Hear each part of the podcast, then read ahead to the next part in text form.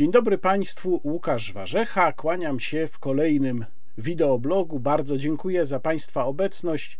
Dziękuję za wszystkie odtworzenia, wszystkie kciuki w górę i wszystkie subskrypcje, a w szczególności, jak zwykle, serdecznie dziękuję moim mecenasom. A przypominam, że mecenasem można zostać choćby przez użycie przycisku Wesprzyj tutaj na YouTubie, ale także przez skorzystanie z portalu zrzutka.pl. Adres do zrzutki podany w opisie filmu. I też chciałbym bardzo Państwu podziękować za masowy odzew pod moim komentarzem, w którym podzieliłem się pewnymi mm, spostrzeżeniami, przemyśleniami, może też wątpliwościami dotyczącymi prowadzenia kanału. Bardzo dużo mm, z Państwa się wypowiedziało w tamtym miejscu. Przeczytałem te komentarze uważnie. Myślę, że część uwag będę się starał, przynajmniej z czasem, jakoś wdrożyć. Część no, nie jest możliwa do realizacji z różnych przyczyn, zresztą starałem się tam e, Państwu też odpisywać. Niemniej za wszystkie uwagi bardzo dziękuję. Przede wszystkim dziękuję za to, że Państwo odpowiadają, że Państwo tu są, bo mam takie poczucie dzięki temu, że tworzymy tutaj na tym kanale pewną społeczność. Oczywiście, jeżeli mogę o coś Państwa prosić, to proszę o to, żeby kanał wspierać, choćby poprzez to, żeby e, każdy z Państwa, kto oczywiście ma na to ochotę, a kto trafił na ten film, być może też po raz pierwszy, e, e, rozważył subskrypcję kanału, namówił do tej subskrypcji innych. No a jeżeli ktoś będzie miał taką chęć, żeby zostać mecenasem, to również oczywiście będzie mi bardzo miło, tak jak w tym wpisie zaznaczyłem i no też często zaznaczam tutaj, każdy z tych filmów to jest naprawdę wiele, wiele godzin pracy i przygotowań, ale cieszę się, bo wiem, że Państwo to doceniają i mam nadzieję, że tak samo będzie tym razem. To znaczy, że też będą Państwo mieli poczucie, zwłaszcza ci z Państwa, którzy zostali mecenasami kanału, że to się opłaca, czyli że płacą Państwo za dobrze wykonaną robotę. Zgodnie zaś z moją obietnicą, złożoną również w tamtym wpisie, a także zgodnie z Państwa życzeniami, które wyrażali Państwo w odpowiedziach na ten wpis, przed świętami otworzę sesję pytań i odpowiedzi, właściwie sesję pytań, bo odpowiedzi nagram w filmie mniej więcej w okresie świątecznym, tak jak to zwykle robię, bo to trochę jest już tradycja tego kanału, że raz do roku, właśnie w tym mniej więcej okresie, taka sesja pytań i odpowiedzi się mm, odbywa. A zatem proszę uważnie śledzić e, kartę społeczność na tym kanale, bo tam pojawi się wpis, pod którym będzie można umieszczać pytania w postaci komentarzy. Również oczywiście zawiadomię o tym poprzez y, Twittera. A teraz przechodzę już do dzisiejszych tematów. Pierwszy z tych tematów to szczyt COP28 w Dubaju. I nie mówię o tym dlatego, żeby ten szczyt miał jakieś fundamentalne znaczenie decyzyjne, bo nie ma. Mało kto może zdaje sobie z tego sprawę, zaraz o tym powiem właściwie, co to są te szczyty COP, bo przecież w 2018 roku COP24 odbył się również w Polsce, w Katowicach. Zresztą nie po raz pierwszy, któryś z poprzednich szczytów odbywał się już wcześniej w Poznaniu, nie pamiętam który. Chciałbym o tym opowiedzieć, dlatego że jest to ten szczególnie niebezpieczny rodzaj klimatystycznego teatru, który ma za zadanie również urabianie opinii publicznej. Oczywiście rezultaty faktyczne tego szczytu, który odbywa się w Dubaju, a którego przewodniczącym tym razem jest człowiek ściśle związany z branżą paliwową w Zjednoczonych Emiratach Arabskich, co w ogóle już jest po prostu jedną wielką Monty Pythonowską komedią, będą zapewne mało przekonujące, czy może nawet w dużej mierze odmienne od e, zamierzonych przez to klimatystyczne lobby, bo Sultan Al-Jaber, ja o nim właśnie mówię, szef państwowej firmy naftowej w Zjednoczonych Emiratach Arabskich y, podobno miał taki plan, żeby w ogóle wykorzystać ten szczyt do zawierania nowych mm, y, kontraktów. Y, natomiast parę słów na początek o tym, co to są te szczyty COP. COP to jest skrót od Conference of the Parties, czyli konferencja stron po prostu. Są to, jest to cykl konferencji, cykl spotkań, który odbywa się pod egidą Organizacji Narodów Zjednoczonych i pierwszy taki szczyt odbył się w roku 1997 w Kioto, no i to właśnie stamtąd pochodzi ten słynny protokół z Kioto, który był chyba takim pierwszym międzynarodowym zobowiązaniem. I tutaj właśnie ważna sprawa, bo kiedy mówię, że ta konferencja nie będzie miała faktycznego, wiążącego wpływu, to mam na myśli właśnie rodzaj dokumentu, który ją kończy. Ten dokument to jest zobowiązanie biorących udział stron do podjęcia określonych kroków, ale to zobowiązanie nie ma żadnego waloru prawnego. To jest tylko pewna deklaracja, że dana strona zobowiązuje się coś zrobić, potem na kolejnej konferencji COP jest z tego rozliczana, no albo tam w czasie, który sobie daje na wykonanie pewnych kroków. Natomiast to nie jest tak, że konferencja COP jest w stanie mm, mm, ustalić jakieś wiążące prawnie ramy to najwyżej dana strona w ramach zobowiązań może takie prawne ramy dla siebie samej ustalić. No i tu problem polega na tym, że w szczytach COP Unia Europejska bierze udział jako całość. Więc na przykład wyjazd na szczyt, czy to poprzedni w Sharm el-Sheikh w Egipcie, czy na ten pana prezydenta Dudy nie miał większego sensu. To jest tylko moim zdaniem legitymizowanie imprezy, której się nie powinno legitymizować. Natomiast Polska jako Polska tam po prostu nie ma nic do powiedzenia. Możemy sobie najwyżej wygłosić jakieś stwierdzenia w imieniu swoich władz, to zresztą pan prezydent zrobił, o tym jeszcze dalej powiem. Natomiast y, my sami tam o niczym nie decydujemy, o żadnych zobowiązaniach, nie decydujemy o tym, jakie ciężary na siebie bierzemy. Jesteśmy po prostu tylko takim, można powiedzieć, obserwatorem, ponieważ głównym aktorem ze strony Unii Europejskiej jest w tym wypadku Komisja Europejska, a konkretnie pani Ursula von der Leyen, która oczywiście tam się w Dubaju pojawiła. E, ja pamiętam dobrze ten szczyt z 2018 roku w Katowicach z dwóch powodów. Po pierwsze, dlatego, że wtedy wprowadzono bardzo restrykcyjne ograniczenia w kwestii przenoszenia, noszenia, przemieszczania broni. Kompletnie absurdalne. Wtedy one obowiązywały bodajże dwa tygodnie na terenie aglomeracji katowickiej. To był kompletny nonsens. Jedna z takich pierwszych wyjątkowo idiotycznych decyzji pana ministra Kamińskiego, ale powiedzmy sobie szczerze, to i tak jedna z tych mniej mm, istotnych, takich drobniejszych, ale idiotyczna. No i drugi powód o większych, trwałych konsekwencjach to to, że e, szefem tego szczytu wtedy, takim przewodniczącym, tak jak teraz jest pan Sultan Al-Jaber, e, to był wtedy z polskiej strony Michał Kurtyka, późniejszy minister do spraw klimatu. I pan Michał Kurtyka po tym szczycie chwalił się, jakiś czas po tym szczycie chwalił się, że to on zaprosił na ten szczyt Gretę Thunberg i że on ją, proszę Państwa, wylansował. No rzeczywiście, Panie Kurtyka, wielka pańska zasługa, doceniamy, pamiętamy.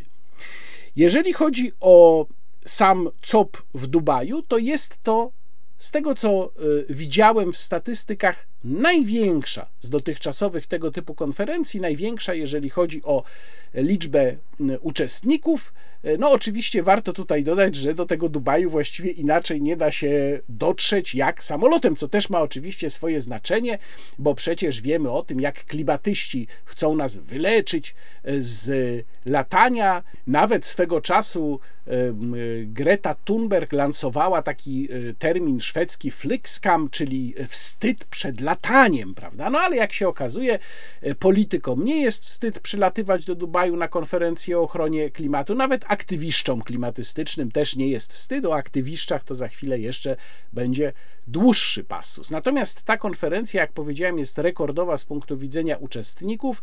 Mm, każdy kraj ma swoje, swoją pewną liczbę przepustek. Te przepustki się dzielą na podstawowe, czyli te, które dostaje sama delegacja, i na takie, które ta delegacja może rozdać różnym innym uczestnikom. To mogą być na przykład y, przedstawiciele organizacji pozarządowych. Po angielsku ta liczba dodatkowych przepustek to nazywa się overflow badges. No i jakbyśmy tu spojrzeli na liczbę osób, to największa jest delegacja Zjednoczonych Emiratów Arabskich, co może nie dziwi, no bo tam się odbywa konferencja. Ona razem z tymi overflow badges liczy sobie, uwaga, 4,4 tysiąca osób. Brazylia ma drugą w kolejności pod względem liczebności delegację 3000 osób ponad. E, z Chin jest 1411 osób, ze Stanów Zjednoczonych 770 osób. No, polska delegacja razem z tymi overflow badges, tymi rozdanymi poza ten, ten, ten główny rdzeń delegacji, jest stosunkowo mała w porównaniu z tym, bo liczy zaledwie 149 osób, w tym 68 osób ścisłej delegacji. Pan prezydent, jak powiedziałem, miał tam wystąpienie w takim e, panelu, czy takim gronie zajmującym się energetyką jądrową głównie. To wystąpienie nie było w żaden sposób ani istotne, ani rewolucyjne, natomiast no, rzeczywiście pan prezydent tam stosunkowo ograniczył te zachwyty nad klimatystyczną polityką, bo przede wszystkim mówił, wystąpienie było krótkie, zresztą trwało około 6 minut, przede wszystkim mówił tam o tym, że Polska inwestuje w energetykę jądrową i że te elektrownie jądrowe będziemy mieli. No, uwierzę, jak zobaczę, oby to była prawda. Jeżeli chodzi o wspomnianego przeze mnie sułtana Al-Jabera, czyli przewodniczącego konferencji COP28, jednocześnie prezesa ADNOC, koncertu, e, koncernu paliwowego e, państwowego Zjednoczonych Emiratów Arabskich, to e, sułtan Al-Jaber, no można powiedzieć, nie jest entuzjastą skrajnego klimatystycznego podejścia. Mianowicie mm, miał w jednej z dyskusji taki interesujący występ, starł się mianowicie z panią Mary Robinson, to jest była specjalna wysłanniczka ONZ do spraw zmian klimatu, która miała takie standardowe dla klimatystów wystąpienie, że tam już katastrofa trwa, straszne skutki, prawda? Na co sułtan Al-Jaber oznajmił, że zdecydował się wziąć udział w tej dyskusji po to, żeby wprowadzić do niej trochę opamiętania i otrzeźwienia i powiedział, i tu uwaga, no bo to już wywołało po prostu wielkie wzburzenie, że za stwierdzeniem, iż wycofanie się z paliw kopalnych spowoduje ograniczenie wzrostu temperatury do 1,5 stopnia, nie stoi żadna nauka. Koniec cytatu. No tak sułtan al-Jaber E, powiedział, oczywiście doszło tam do, do takiej gwałtownej wymiany zdań z panią Mary Robinson. Mm, Antonio Guterres, gensek, tu celowo używam takiego określenia, które gimby może nie znają. Gensek, tak mówiło się kiedyś na sekretarza generalnego Partii Komunistycznej. Otóż gensek e, Organizacji Narodów Zjednoczonych, pan Antonio Guterres, stwierdził, że nauka mówi jasno, trzeba zrezygnować z paliw kopalnych, żeby ograniczyć wzrost do 1,5 półtora stopnia. To jest oczywiście brednia, nauka nic takiego nie mówi, w tym sensie, że nie ma jakiegoś jednolitego stanowiska naukowców, którzy wyszli z takim dokładnie stwierdzeniem, że rezygnacja z paliw kopalnych równa się ograniczenie wzrostu temperatury do 1,5 stopnia. To wie każdy, kto się chociaż trochę interesował źródłowymi opracowaniami naukowymi i tam w ogóle mm, tego typu konkluzja że coś trzeba zrobić, żeby coś osiągnąć, pojawia się bardzo rzadko. To raczej są analizy, próby analizowania przyczyn, mm, ze skutków, powiązania, wyjaśnienia e, zjawisk tego, co się dzieje. Natomiast to, o czym tu Antonio Guterres mówi, to jest po prostu już pewna deklaracja czysto polityczna, nie naukowa. No ale takie kłamstwa pojawiają się bardzo często w tej debacie Ursula von der Leyen z kolei zamieściła tweet, że w finansowaniu spraw klimatycznych trzeba przejść od miliardów do bilionów. No i że tutaj potrzebne będą specjalne mm, y, akcje, specjalne udziały, czyli specjalne instrumenty finansowe oraz oczywiście dodatkowe źródła dochodu, w tym podatki na CO2. Także proszę Państwa, trzymajmy się za portfele, no chyba, chyba, że najbliższe wybory do Parlamentu Europejskiego będą to oznaczały rewolucję i uda się od tej szaleńczej, kompletnie niszczącej dla Europy i niszczącej dla nas, dla naszych portfeli polityki odejść. Tutaj jedna uwaga jeszcze ogólna. często się mówi tak, i to klimatyści używają tego argumentu, że to jest walka o przyszłość naszych dzieci. No, po pierwsze, to oni sami często deklarują, że nie chcą mieć dzieci, bo nie chcą, żeby one żyły w takim świecie. Ja tylko mogę przyklasnąć. Bardzo dobrze. Wolałbym, żeby tego typu ludzie rzeczywiście pozostawali bezpotomni. Natomiast y, prawda jest taka, że to my, w sensie ludzie trzeźwo i rozsądnie myślący i zdający sobie sprawę z kosztów tej polityki, to my walczymy o przyszłość naszych dzieci. Walczymy o to, żeby nasze dzieci żyły w normalnym świecie, normalnym, czyli wolnym i względnie zamożnym, a nie w świecie zielonej komuny.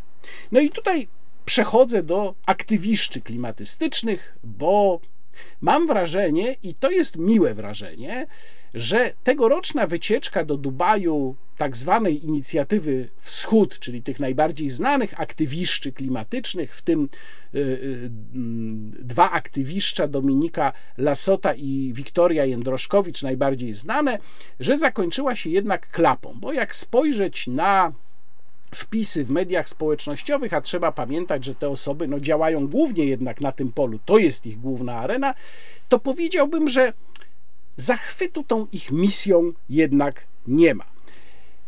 Wiem, że moi obserwujący, również widzowie mojego wideoblogu, często wyrażają wątpliwości, czy o aktywiszczach w ogóle warto mówić, czy nie lepiej po prostu pominąć je, ich osoby aktywiszczowskie, aktywistyczne, pominąć milczeniem. Ja rozumiem tę wątpliwość i rozumiem ten punkt widzenia. I wydaje mi się, że czasem to jest dobra metoda, natomiast nie zawsze, ponieważ ci ludzie, mm, ich aktywność mają służyć za uzasadnienie bardzo daleko idących działań i taki, mają udawać istnienie takiego czynnika społecznego. Zawsze można pokazać na aktywiszcza i powiedzieć: Proszę bardzo, ludność się domaga podejmowania daleko idących kroków. I dlatego moim zdaniem jednak są takie momenty, to jest jeden z nich, kiedy całą głupotę, która tam leży u podstaw tego ruchu, trzeba obnażać. Trzeba obnażać też ignorancję tych osób, trzeba obnażać ich brak wiedzy, brak doświadczenia życiowego. Przecież to są ludzie, którzy mają po dwadzieścia parę lat, którzy nie skończyli nawet żadnych studiów. No, przypadek którejś z tych pani, już nie pamiętam, czy to pani Dominika, czy pani Wiktoria, czy może obie, które bohatersko zdecydowały o porzuceniu studiów, żeby poświęcić się ratowaniu planety, więc im się nawet nie chce uczyć. To jest po prostu sposób na przyjemne życie, robienie sobie wycieczek, życie za cudze pieniądze, o czym jeszcze, jeszcze za chwilę powiem. No ale doszedłem, tak jak powiedziałem, tutaj do wniosku, że trzeba się jednak tym zająć, trzeba też pokazać, na czym polega ta metoda, którą aktywiszcza stosują. No bo to jest w sumie genialna sprawa i dosyć prosta. Zakłada się najpierw taką inicjatywę, mówiąc, że tam się ratuje planetę, klimat, nas wszystkich przed śmiercią, przed zalaniem przez morze i tak dalej, i tak dalej. Potem się zbiera pieniądze no, aktywiszcza twierdzą, że od e, wspierających, ale prawdę mówiąc, nie bardzo mi się chce w to wierzyć. Niestety nie możemy tego zweryfikować, o tym też później powiem, więc pewnie te pieniądze w większości pochodzą z grantów, od fundacji różnego rodzaju. No i potem się jedzie za te pieniądze na taką wycieczkę, jak ta e, do Dubaju, czy ta do Sharm el Sheikh wcześniej. Tam kręci się kilka filmików. Te filmiki polegają na tym, że się tam w żenujący sposób napada jakiegoś polityka i tam mówi: A bo klimat tu zaraz się spali planeta, co pan pani na to? No i ta osoba zamiast y, zachować się tak, jak kiedyś zachował się Donald Trump w siedzibie ONZ w Nowym Jorku wobec małej Greci,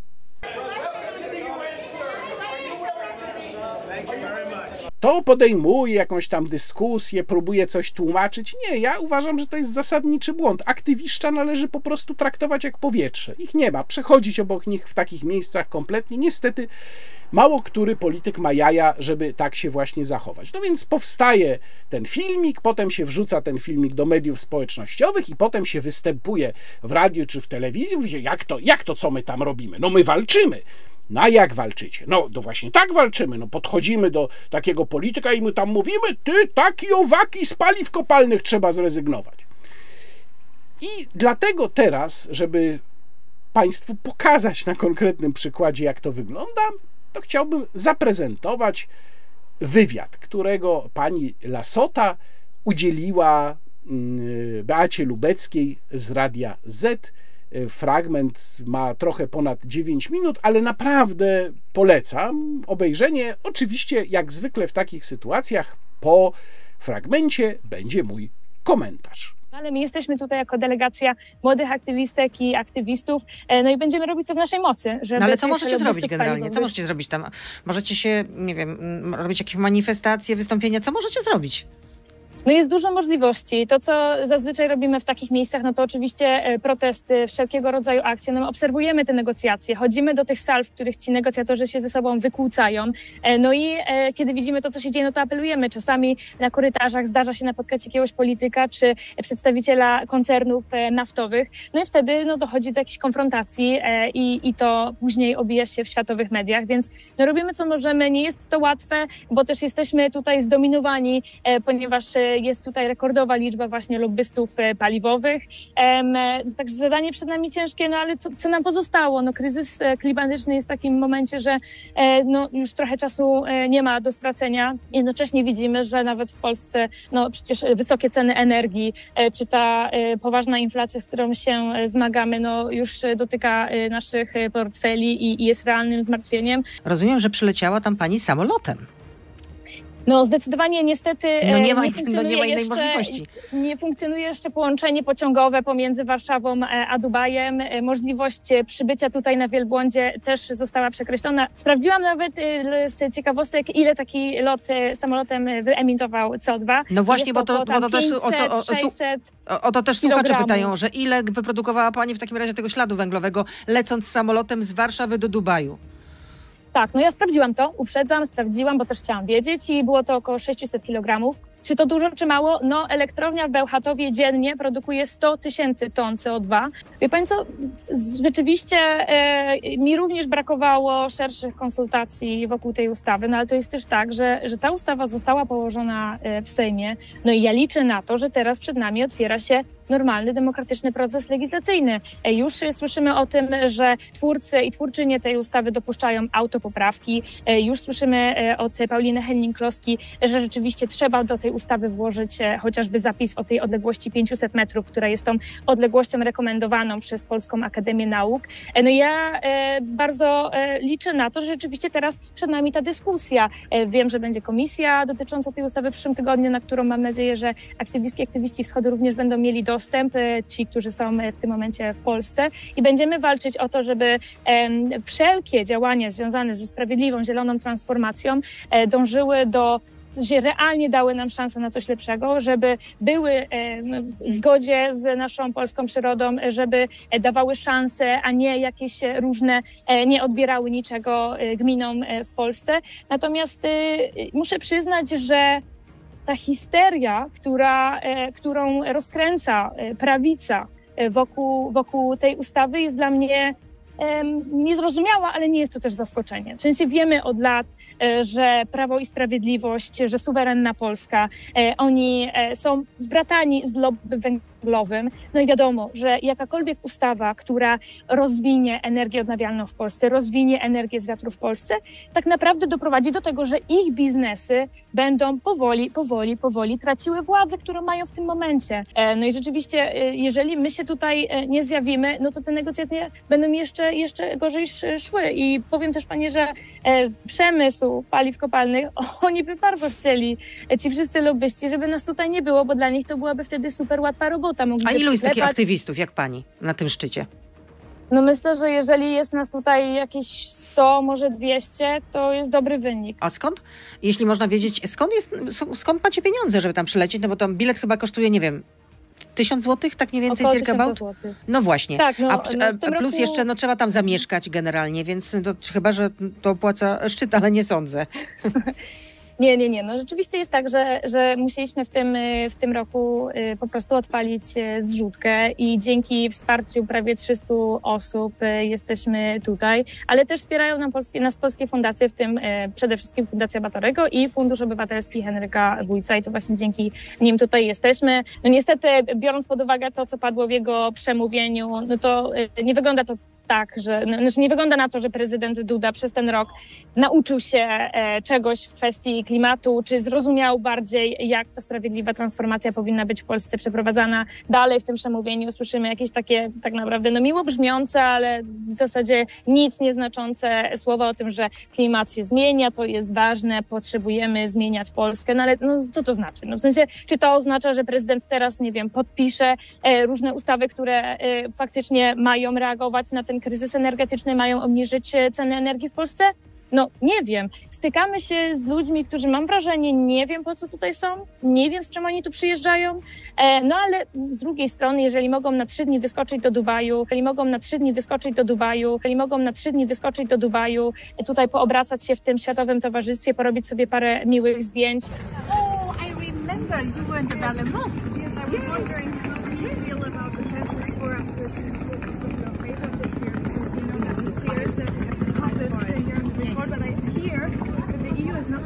that this is what you were going to affect you.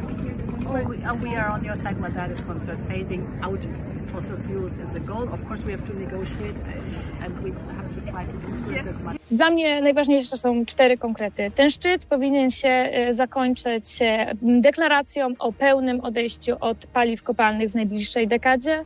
Druga rzecz jest taka, że Zobaczymy, bo póki co walka trwa. Druga rzecz jest taka, że walczymy o e, potrojenie e, energii z odnawialnych źródeł energii, czyli trzy razy to, co mamy e, światowo w tym momencie. Po trzecie, walczymy tutaj o opodatkowanie trudzicieli, opodatkowanie największych koncernów, które do tego kryzysu się przyczyniły. No i czwarte, to chcemy po prostu planu sprawiedliwej transformacji, bo przed tym szczytem miałam okazję spotkać się też z górnikami z Zabrze, A wyjaśnijmy, co to znaczy, co to znaczy sprawiedliwa transformacja? Wyjaśnijmy, co Sprawiedliwa to znaczy. transformacja to jest, to, to, będzie, to jest proces y, zmieniania naszej gospodarki, odcinania ją od tych brudnych paliw, no i rozwijania y, y, sektorów, które nie niszczą naszego środowiska, ale ten wątek sprawiedliwości jest tu kluczowy, bo chodzi nam o to, żeby żaden pracownik, żadna pracownica w Polsce i gdziekolwiek na tym procesie nie straciły, że walczymy, chcemy, aby ta transformacja odbyła się przy gwarancji zatrudnienia dla pracowników, którzy to miejsce pracy będą potencjalnie musieli opuścić czy czy, czy, czy zmienić. Cezary pyta, dlaczego sztucznym skandalem nazywa pani fakt propozycji budowy 300 metrów od zabudowań i parków narodowych farm wiatrowych? No już wiemy, że będzie jednak korekta tego. W Niemczech tak. jest to kilometr, a w Polsce ma być 300. No rzeczywiście takie były pierwotne zapisy w tym projekcie ustawy, że to miało być 300 e, metrów, jeśli chodzi o zabudowę wielorodzinną i 400, jeśli chodzi o domy jednorodzinne. Mhm. Znaczy nie wiem y, skąd te informacje o tych standardach w Niemczech, bo wydaje mi się, że akurat tutaj Polska miała najgorsze prawo w Unii Europejskiej dotychczas i ono było e, właśnie, no to zasada 10H to było ten, ten, e, ten, e, ten dystans. No dlaczego sztuczny skandal? No ja uważam, że e, prawica jest generalnie ma to do siebie, że oni kiedykolwiek pojawia się temat wiatraków, to oni szaleją. Pytanie kolejne słuchacza. Planowana elektrownia jądrowa w Koninie ma zapewnić rocznie prąd w 22 terawatogodzin, czyli około to będzie 12% rocznego zapotrzebowania na energię elektryczną w Polsce.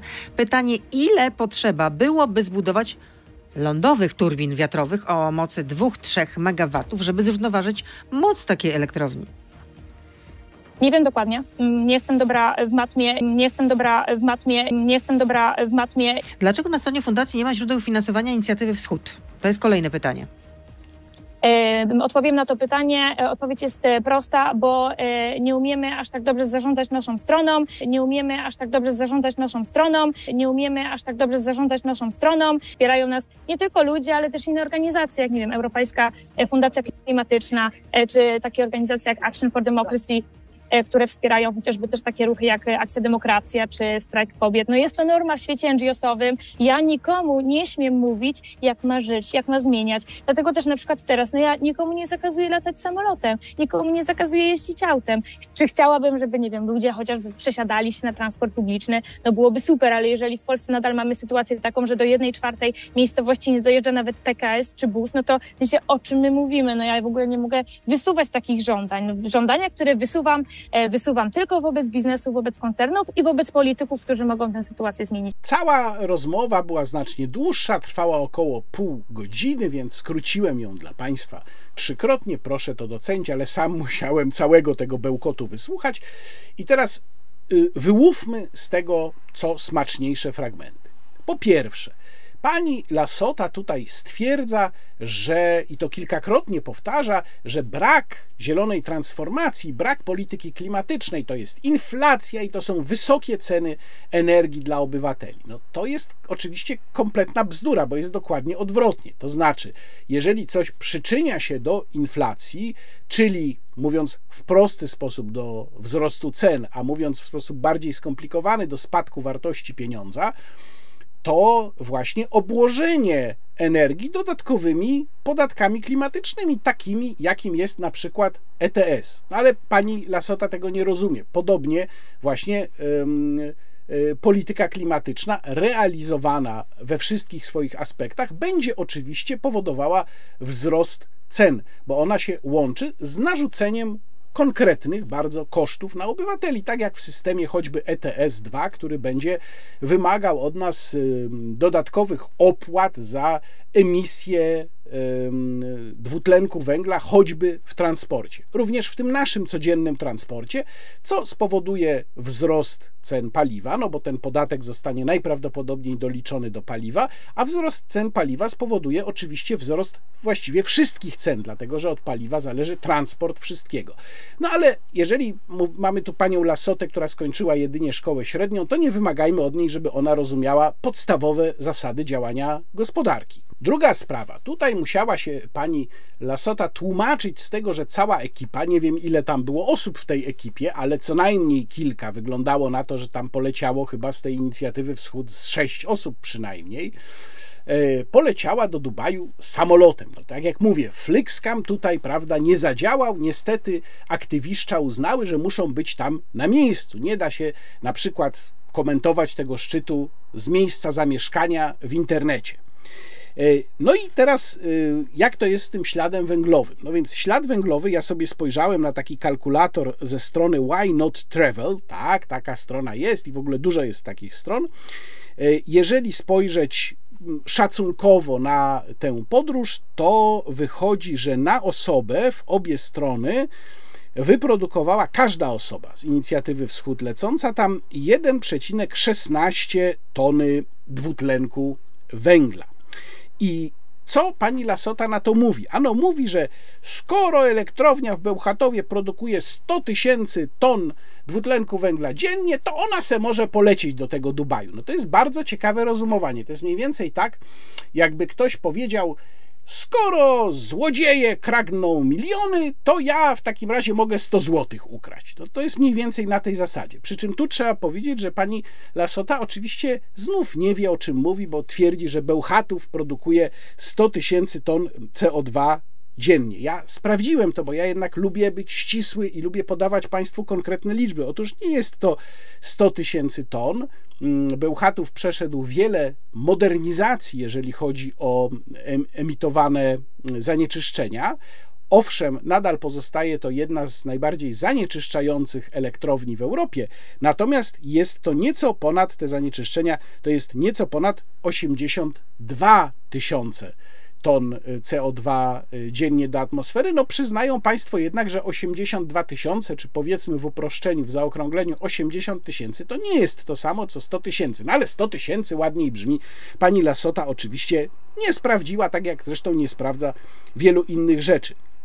Bardzo ciekawe są komentarze do y, powiedzmy ustawy wiatrakowej. Tak naprawdę to jest ustawa o zamrożeniu cen energii. Ja będę ją w kolejnej części wideoblogu komentował głębiej, natomiast tutaj została zapytana o tę ustawę, no i widać, że tak mm, kompletnie się prześlizguje nad kwestią tego, czy tam jacyś lobbyści zagrali, czy nie. Cały czas wali w prawicę, że to ta prawica dostaje mm, histerii, pomija całkowicie pierwotny kształt tej ustawy, a ja przypominam, że niezależnie od deklaracji, bo ona tu wspomina o tym, że przecież będą prace nad ustawą, niezależnie od deklaracji o tym, że prace będą, mamy w tym momencie procesu legislacyjnego projekt ustawy, który wygląda tak, jak wygląda. Więc zawiera nadal wszystkie te mm, regulacje, które budziły gigantyczne wątpliwości. Dalej, mamy pytanie y, od słuchaczy, za co aktywiszcza poleciały do Dubaju. No i tutaj y, panna Lasocianka mówi, że y, trzeba było odpalić zrzutkę. Ja byłem bardzo ciekaw, ile na tej zrzutce udało się na ten wyjazd aktywiszczom uzbierać. I szukałem tej zrzutki. Nie wiem, być może ja czegoś nie znalazłem.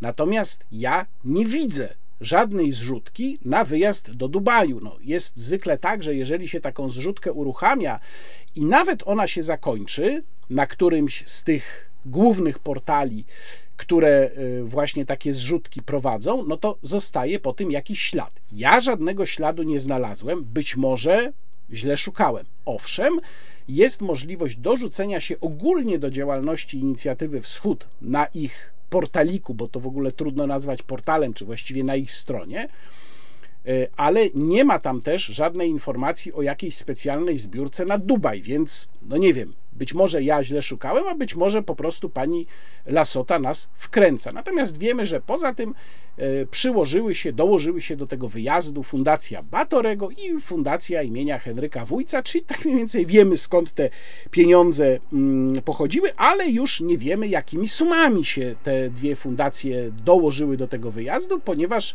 e, Fundacja mm, Inicjatywa Wschód e, nie pokazuje nam swoich rozliczeń finansowych. No i tu z rozbrajającą szczerością pytana o to, dlaczego tych rozliczeń nie ma, panna Lasocianka mówi, że no nie potrafimy tak dobrze skonfigurować naszej strony. Czyli, proszę Państwa, oni nie potrafią wrzucić sprawozdania finansowego na swoją stronę internetową, ale nam chcą ustawiać energetykę, życie, mówić nam, co możemy, co powinniśmy, a czego nie powinniśmy.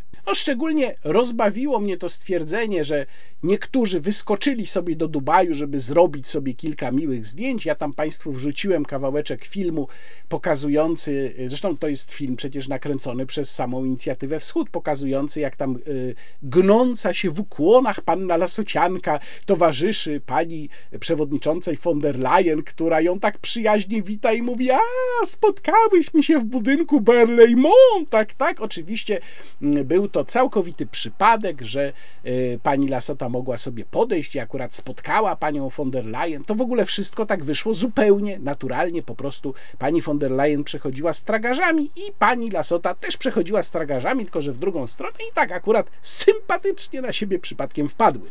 I teraz jeszcze parę słów o tym, co pani Lasota nazywa ich podstawowymi, czyli klim, aktywiszczy klimatycznych podstawowymi postulatami. No po pierwsze, odejście od paliw kopalnych w ciągu 10 lat. No to jest oczywiście totalna bzdura. Y, totalna bzdura jest to kompletnie, ale to kompletnie nierealne.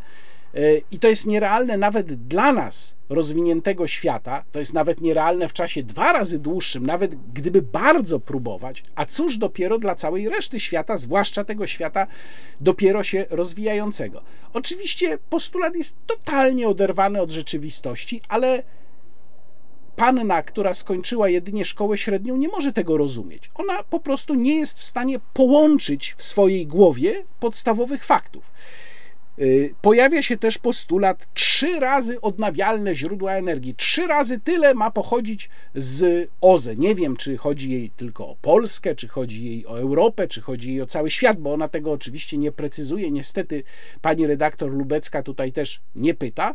Natomiast to oczywiście znów jest rzucone, no tak, bo trzy razy tyle ładnie brzmi, mm, nic nie jest przekalkulowane, nie ma żadnych obliczeń, nie wiadomo jakiego typu te odnawialne źródła miałyby być słońce, wiatr, nie wiem, przybój, jak to się w ogóle ma do potrzeb energetycznych świata, czy znów, nie wiem, Europy, Polski, bo nie wiadomo o czym panna Lasocianka tutaj mówi. No i wreszcie bardzo mnie rozbawiło to, jak pada taki postulat, że ma być sprawiedliwa transformacja i na tej sprawiedliwej transformacji to nikt nie ma ucierpieć i w ogóle wszyscy mają zachować swoje miejsca pracy. No to po raz kolejny pokazuje, że ta osoba nie rozumie nic z gospodarki. Ona uważa, że można mieć ciastko i zjeść ciastko. Ona nie rozumie kompletnie, jakie skutki gospodarcze wywołałaby realizacja ich postulatów. Jest tam również taki moment dosyć zabawny, kiedy panna Lasocianka jest taka zaskoczona, że jeden ze słuchaczy stwierdził, że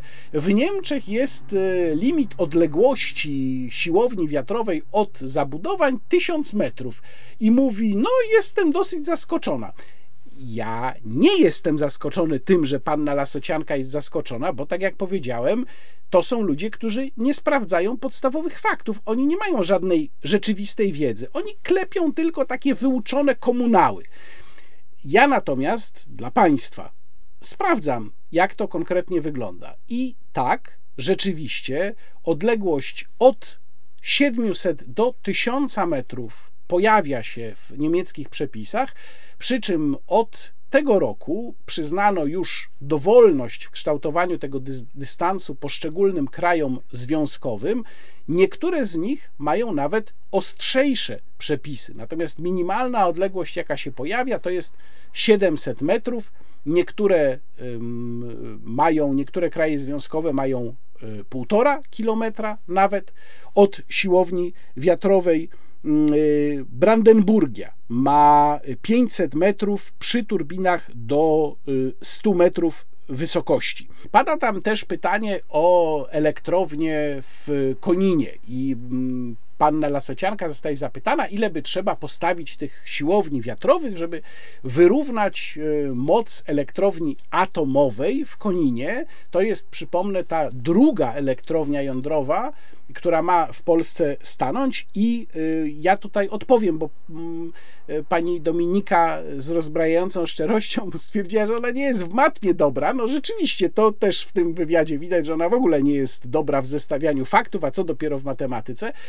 Więc ta elektrownia w Koninie ma mieć, proszę państwa, moc 2800 megawatów.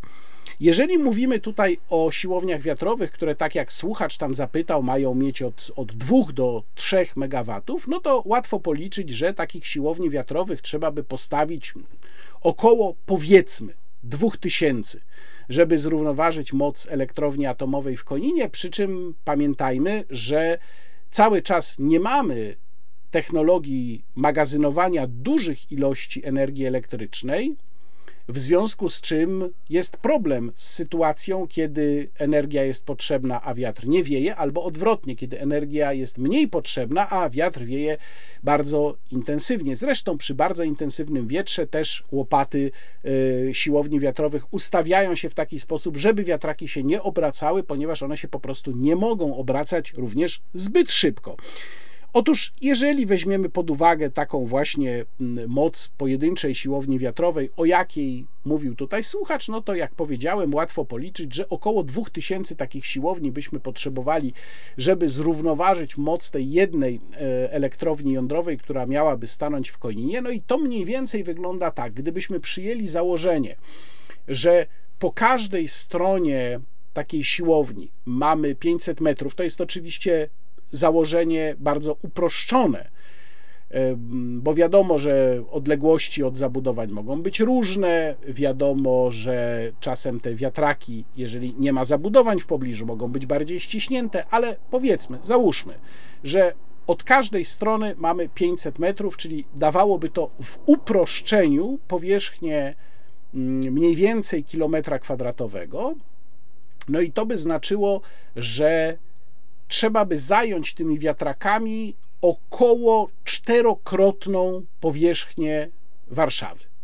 Cztery Warszawy musiałyby być zastawione wiatrakami stojącymi w takich kwadratach o powierzchni kilometra kwadratowego, żeby zrównoważyć moc tej jednej elektrowni jądrowej, która ma stanąć w Koninie. No i wreszcie na koniec panna Lasocianka stwierdza, że ona oczywiście nikomu życia ustawiać nie chce, ani niczego nie chce nikomu zakazywać, ona tylko chce wpłynąć na polityków. Czyli ona sama niczego nam nie ustawia, tylko ona chce wpłynąć na polityków, żeby to oni nam ustawili. Ja mam nadzieję i szczerze bym sobie i tego Państwu życzył, żeby ten wyjazd aktywiści klimatycznych, zwłaszcza z inicjatywy Wschód, na szczyt klimatyczny COP28 w Dubaju był ich ostatnią inicjatywą, jaką będą w stanie podjąć, bo mam wrażenie, że ta wycieczka zmieniła się już bardzo skutecznie w jednego wielkiego mema i oby na takim poziomie memicznym wyłącznie pozostała. How dare you, how dare you, how dare you. No i teraz nie da się nie powiedzieć, nie przejść e, od e, wycieczki aktywiści klimatycznych do e, ustawy o mrożeniu cen energii, czyli ustawy, którą firmuje, tam dużo, wielu posłów się podpisało pod nią z nowej koalicji, z nowej większości, ale firmuje ją swoim nazwiskiem pani poseł Paulina Henning-Kloska. I tak jak już powiedziałem wcześniej, mówiąc o tym projekcie, będę mówił o jego aktualnej postaci. Aktualna postać na tym etapie procesu legislacyjnego to jest ta postać pierwotna, więc to nas powinno interesować, a nie to, co tam niektórzy politycy nowej większości mówią, że się tam zmieni, przekształci, będą, będzie proces legislacyjny. No, może będzie, ale na razie nie ma. Na razie mamy taki projekt, jaki został złożony. I tutaj trzeba powiedzieć, że pani poseł Henning-Kloska reaguje w szczególny sposób na tę krytykę, bo tam nie ma jakiejś refleksji, nie ma tam jakiegoś pokajania się za błędy, tylko tam jest stwierdzenie, że kto krytykuje ten projekt, ten jest za Putinem. Czyli mamy argumentum ad Putinum, prawda? No znamy to doskonale, to jest najbardziej idiotyczny sposób argumentacji. Y, w Radiu Z pani poseł powiedziała, pytana o sprawę wywłaszczeń na potrzeby elektrowni wiatrowych, mogę zapewnić wszystkich, to są tylko jakieś fobie polityków Zjednoczonej Prawicy, którzy sami chcieli pod CPK wywłaszczać ludzi. I ja tu mówię z pełną odpowiedzialnością, że pani poseł po prostu kłamie w tym miejscu. Zaraz pokażę pokazując, wskazując konkretne przepisy, pokażę, dlaczego kłamie. Pani poseł twierdziła też, jeżeli komuś zależy, żeby wstrzymać proces transformacji energetycznej w Europie, jeżeli komuś zależy, żebyśmy dalej byli zależni od importowanych paliw kopalnych, to na pewno jest to Rosja. Te wypowiedzi pokazują, że pani poseł w ogóle nie ma pojęcia o materii, o której mówi. Na przykład nie zastanawia się nad tym, czy alternatywne źródła energii, no chyba że zalicza do nich atom, ale nie sądzę, są w stanie y, całkowicie zaspokoić nasze, chociażby polskie tylko potrzeby energetyczne. No bo oczywiście nie są. Bez atomu, opierając się tylko na alternatywnych źródłach energii, wiadomo, że tych potrzeb mm, y, nie zaspokoimy. Prąd z wiatraków nie uniezależni nas również od ropy. No chyba, że ktoś wierzy w to, że całą motoryzację da się przerzucić właśnie na prąd, co jest oczywiście również absurdem. To teraz skupmy się na dwóch budzących największe wątpliwości zapisach tej ustawy.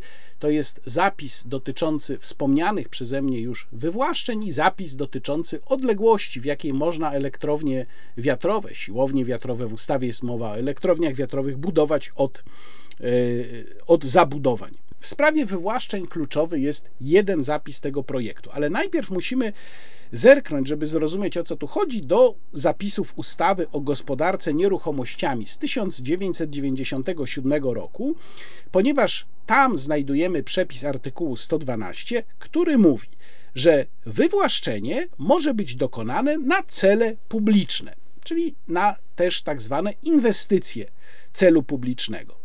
Natomiast artykuł 6 tejże samej ustawy o gospodarce nieruchomościami zawiera zamknięty katalog celów publicznych. W artykule 113 tej ustawy czytamy: Nieruchomość może być wywłaszczona tylko na rzecz Skarbu Państwa albo na rzecz jednostki samorządu terytorialnego, ale to oczywiście nie zmienia tutaj nic, dlatego że przecież nikt nie twierdził, że będą wywłaszczenia na poczet prywatnych firm. No to nie tak działa, tylko wywłaszczenie jest na korzyść najczęściej jednostki samorządu terytorialnego, po czym na tym gruncie samorządowym powstają elektrownie wiatrowe. I teraz spójrzmy do projektu, który firmuje pani poseł Henning-Kloska. I tam w artykule 11 czytamy, że do wspomnianego przeze mnie katalogu celów publicznych w ustawie o gospodarce nieruchomościami dodaje się, to jest punkt bodajże 4c, budowę, przebudowę i utrzymanie instalacji odnawialnego źródła energii, w szczególności elektrowni wiatrowej, wraz z inwestycją towarzyszącą. A skoro zostało to dodane do katalogu celów publicznych, to właśnie na ten cel można dokonywać wywłaszczenia. Więc jeżeli pani poseł twierdzi, że ustawa nie tworzy możliwości wywłaszczenia na y, poczet budowy elektrowni wiatrowych, to albo ona sama nie wie, co jest w przepisie, który firmuje, albo ordynarnie kłamie. Teraz sprawa odległości, jakie są w tym projekcie ustawy zawarte. No o tym, jakie są odległości w Niemczech i że one wynoszą w niektórych przypadkach minimalnie 700 metrów, w większości krajów związkowych 1000 metrów, to już mówiłem, a przypominam, że przecież Niemcy w znacznie większym stopniu niż Polska opierają się na energii odnawialnej, mają hopla na punkcie tej swojej rewolucji energetycznej, energii Wende, mm, zrezygnowali z atomu. W projekcie ustawy mamy likwidację obecnie istniejącej zasady 10H, czyli odległość od elektrowni wiatrowej musi odpowiadać dziesięciokrotnej całkowitej wysokości takiego wiatraka i w obecnej ustawie jest to bardzo prosty i przejrzysty zapis. On zawiera właśnie ten współczynnik dziesięciokrotnej wysokości, ale też nie mniej niż 700 metrów, czyli minimum musi to być 700 metrów, może być więcej, jeżeli mm, y, wysokość takiej y, siłowni wiatrowej jest większa. Otóż w projekcie ustawy ta prosta regulacja, proste ograniczenie znika. I jest, mamy tam odniesienie y, do załącznika ustawy. To już nie zapis w ustawie, tylko załącznik do ustawy ma decydować o tym, jaka jest odległość. I z tego załącznika mm, wynika, że w przypadku takiej zwykłej zabudowy mieszkalnej odległość przy hałasie, bo odległość zostaje uzależniona w tym momencie już nie od wysokości siłowni, ale od generowanego hałasu, że y, do hałasu wynoszącego 110 dB wymagana odległość jest cały czas mniejsza niż ta, która jest gwarantowana w tej chwili, bo wynosi 600 metrów. Dopiero powyżej 110 dB, no to już jest bardzo duży hałas. Odległość ma wynosić od 2000 metrów. No czyli w praktyce oznacza to, że większość siłowni znalazłaby się w, nawet nie na 600 metrach, tylko na znacznie niższej odległości. Tam w tej tabeli, e, którą Państwo widzieli, jest mowa o w kilku kolejnych pozycjach o zaledwie 300 metrach, w większości przypadków tak jest, a w przypadku zabudowy jednorodzinnej mamy tę odległość przekraczającą 700 metrów, czyli obecną minimalną, dopiero od poziomu 107 decybeli. Oczywiście Wyjątkową perfidią jest tutaj łączenie w jednej ustawie zmian, jeżeli chodzi o budowę wiatraków, bo to są zmiany dotyczące ustawy specyficznie dotyczącej energetyki wiatrowej, z mrożeniem cech energii. No to jest taki dosyć prymitywny zabieg, który ma rzecz jasna postawić w trudnej sytuacji pana prezydenta. Podpisze czy nie podpisze.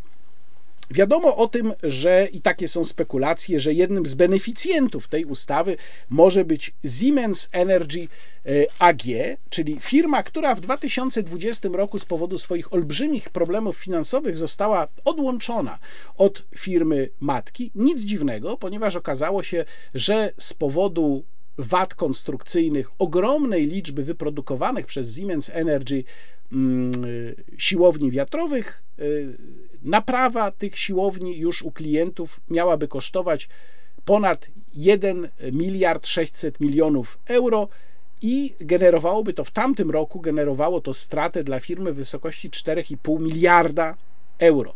To z kolei wymusiło na tej firmie zdobycie zabezpieczeń rządu federalnego w wysokości aż 16 miliardów euro. Czyli to wszystko prowadzi nas do wniosku, że oczywiście Siemens Energy bardzo mocno potrzebuje wsparcia w postaci jakichś nowych zakupów. To nie znaczy, że na 100%, gdyby rozluźnić zasady budowania siłowni wiatrowych w Polsce, to wszystkie natychmiast zostałyby kupione u Siemensa. No ale pewnie możemy tak założyć, że Siemens byłby jednym prawdopodobnie z beneficjentów. Politycy nowej koalicji nie odnoszą się właściwie do tego, co się w tej ustawie znalazło, próbują uciekać w ten putinizm, argumentum ad putinum się pojawia. bardzo często. Tymczasem, jak Państwo widzą, mówimy tutaj o bardzo konkretnych zapisach. Bardzo niepokojące jest to, że pani poseł Henning Kloska nie chce się przyznać do tego, że te zapisy tam są. Nie wiem, jaki jest sens w zaprzeczaniu tego, co po prostu czarno na białym możemy przeczytać w ustawie. Teraz chciałbym Państwu powiedzieć parę słów na temat e, sytuacji na Ukrainie, sytuacji z Ukrainą. E, wbrew pozorom dzieje się całkiem dużo, to znaczy na froncie to właśnie się niewiele dzieje, natomiast dużo się dzieje politycznie. Po pierwsze, coraz bardziej widoczne są konflikty polityczne wewnątrz Ukrainy, konflikty na linii Kliczko-Zełęński, y, na linii Załużny-Zełęński, nawet już w polskich mediach, które przecież przez wiele miesięcy lansowały taki absurdalny obraz Zełęńskiego jako bohatera całego narodu, wokół którego nie ma żadnych sporów. Nawet w polskich mediach zaczyna się pojawiać dużo tekstów na ten temat. Ja przy tej okazji polecam teksty, które u nas pisze Maciek Pieczyński. Maciek mm, przygląda się sytuacji na Ukrainie, politycznej sytuacji bardzo blisko już też od dawna i wielokrotnie w naszym tygodniku w do rzeczy mogli Państwo przeczytać o tym, jak wyglądają te wewnętrzne spory na Ukrainie, wewnętrzne spory polityczne, ale one narastają, no bo nie ma sukcesów na froncie, sytuacja w kraju staje się mm, coraz cięższa, no i myślę też, że wielu Ukraińców zaczyna się zastanawiać, jaki jest sens trwania tego konfliktu. Mówię to nie bezpodstawnie, dlatego że kilkakrotnie już zdarzyło się w ciągu ostatnich również paru miesięcy, że w Kijowie odbywały się demonstracje bliskich żołnierzy, którzy to bliscy domagali się, żeby tych żołnierzy z frontu przysłać z powrotem do domu, że oni tam po prostu już są zbyt długo. Y, coraz więcej jest głosów sceptycznych wokół Ukrainy, również na Zachodzie. Jeden z takich głosów po raz kolejny który na portalu Foreign Affairs się pojawił, magazynu Foreign Affairs, to kolejny już artykuł e, duetu e, Richard Haas i Charles Kapchan, czyli dwóch bardzo dobrze usytuowanych w amerykańskim establishmencie analityków. Richard Haas był prezesem E, Council on Foreign Relations, takiego najbardziej chyba, czy jednego przynajmniej z najbardziej prestiżowych think tanków amerykańskich zajmujących się polityką zagraniczną. Charles Kapchan jest cały czas członkiem tego właśnie think tanku, więc to są ludzie bardzo dobrze umocowani w establishmencie amerykańskim. I oni napisali, opublikowali artykuł e, zatytułowany Redefining Success in Ukraine, a New Strategy Must Balance Means and Ends, czyli mm, redefiniując sukces na Ukrainie, nowa strategia musi zrównoważyć środki i cele. Y, to jest, jak mówię, pierwszy tego typu tekst tego duetu, natomiast y, tym razem y, Kapczan i Haas w sposób dosyć już stanowczy sygnalizują, że Ukraina nie jest w stanie osiągnąć swojego mm, celu zakładanego i oficjalnie deklarowanego, czyli wyrzucenia Rosjan z wszystkich zajętych przez nich terytoriów ukraińskich. Wskazują, że Rosja jest w znacznie lepszej kondycji niż wiele osób mogło mieć na to nadzieję, że poradziła sobie w zasadzie z sankcjami, że nie grozi jej żadna nagła zapaść i w związku z tym konkludują, że Ukraina powinna się skupić na skonsolidowaniu i obronieniu tej części terytorium, która jest nadal pod kontrolą Kijowa, oczywiście formalnie nie rezygnując z odzyskania reszty tych ziem, no ale trzeba na to spojrzeć mm, realistycznie. Tam jest też postulat, żeby podjąć z Rosją rozmowy pokojowe, aczkolwiek jest też y, wzmianka o tym, że Rosja wcale nie musi się na to w tym momencie godzić. I tutaj ja zgadzam się z jednym z moich niedawnych rozmówców w cyklu Rozmowa Niekontrolowana, Kacprem Kitą, który powiedział, że w interesie Rosji przed wyborami prezydenckimi w Stanach Zjednoczonych raczej podjęcie takich rozmów po prostu nie jest opłacalne, no bo chodzi o to, żeby e, wyżyłować tutaj Joe Bidena, żeby e, Joe Biden musiał się tłumaczyć ze swojej nieskutecznej i straceńczej polityki bezwarunkowego wspierania Ukrainy, no bo po prostu Joe Biden jest tutaj mniej korzystnym z punktu widzenia Rosji wyborem niż Donald Mm, Trump. Nie będę tutaj Państwu dokładnie streszczał tego tekstu. Link do tekstu zamieszczam w opisie filmu, przy czym y, no, to jest tekst dostępny dla prenumeratorów y, Foreign Affairs. Czas pokazał, że realiści w Polsce również mieli rację prawie we wszystkich kwestiach. E, z całą pewnością mieliśmy rację, jeżeli chodzi o ocenę odporności Rosji na sankcje. Ja przecież pamiętam swoje nieskończone dyskusje z ludźmi, którzy mi pisali: proszę poczekać rok, proszę poczekać dwa lata, Rosja się zawali, system finansowy się zawali. No nic takiego oczywiście nie nastąpiło, natomiast e, mam wrażenie, że bliższa jakiemuś kolapsowi jest dzisiaj raczej Ukraina. Oczywiście to też nie jest tak, że się zawali za chwilę, natomiast bez pomocy zachodniej, no to by było państwo już po prostu nieistniejące. Do tego mamy konflikt, to już jest nasza polska działka, konflikt y, na granicy ukraińsko-polskiej, konflikt między y, branżą y, przewozów polską a E, rządem ukraińskim, no tak to trzeba ująć, bo w tym konflikcie po polskiej stronie po prostu są sami przewoźnicy, którzy bronią um, uczciwej konkurencji, wskazując na to, że ta konkurencja ukraińska jest po prostu nieuczciwa, bo funkcjonuje na innych warunkach. Przypominam, że Ukraińcy zostali dopuszczeni do wjazdu bez zezwoleń do Unii Europejskiej. Ilość tych przejazdów radykalnie się zwiększyła. Mówił o tym u mnie w rozmowie niekontrolowanej pan Rafał Mekler, jeden z organizatorów blokady na granicy ukraińsko-polskiej. E, znajdą Państwo tutaj, nie, chyba to jest po tej stronie, nigdy nie wiem, po której się wyświetli e, link do tej rozmowy niekontrolowanej. E, więc ten konflikt trwa i on też pokazuje bardzo dobrze, jak sprzeczne są interesy gospodarcze Ukrainy i Polski, co również powinno nas prowadzić do wniosku, że członkostwo Ukrainy w Unii Europejskiej po prostu nie jest dla Polski korzystne i tutaj odsyłam e, do naszego tygodnika, do najnowszego numeru naszego tygodnika, gdzie pisze o tym w obszernej analizie Jakub Woziński. Ale mówię o tym wszystkim, proszę Państwa, z powodu tej książki. Książki Zbigniewa Parafianowicza Polska na wojnie. Będę z autorem tej książki rozmawiał w cyklu Rozmowa Niekontrolowana w najbliższy czwartek na moim kanale i już teraz tę rozmowę bardzo Państwu polecam, ponieważ książka, muszę powiedzieć, jest po prostu wstrząsająca. Nie będę tutaj przedstawiał Państwu cytatów z tej książki, one pewnie pojawią się w wywiadzie, w mojej rozmowie ze Zbyszkiem Parafianowiczem.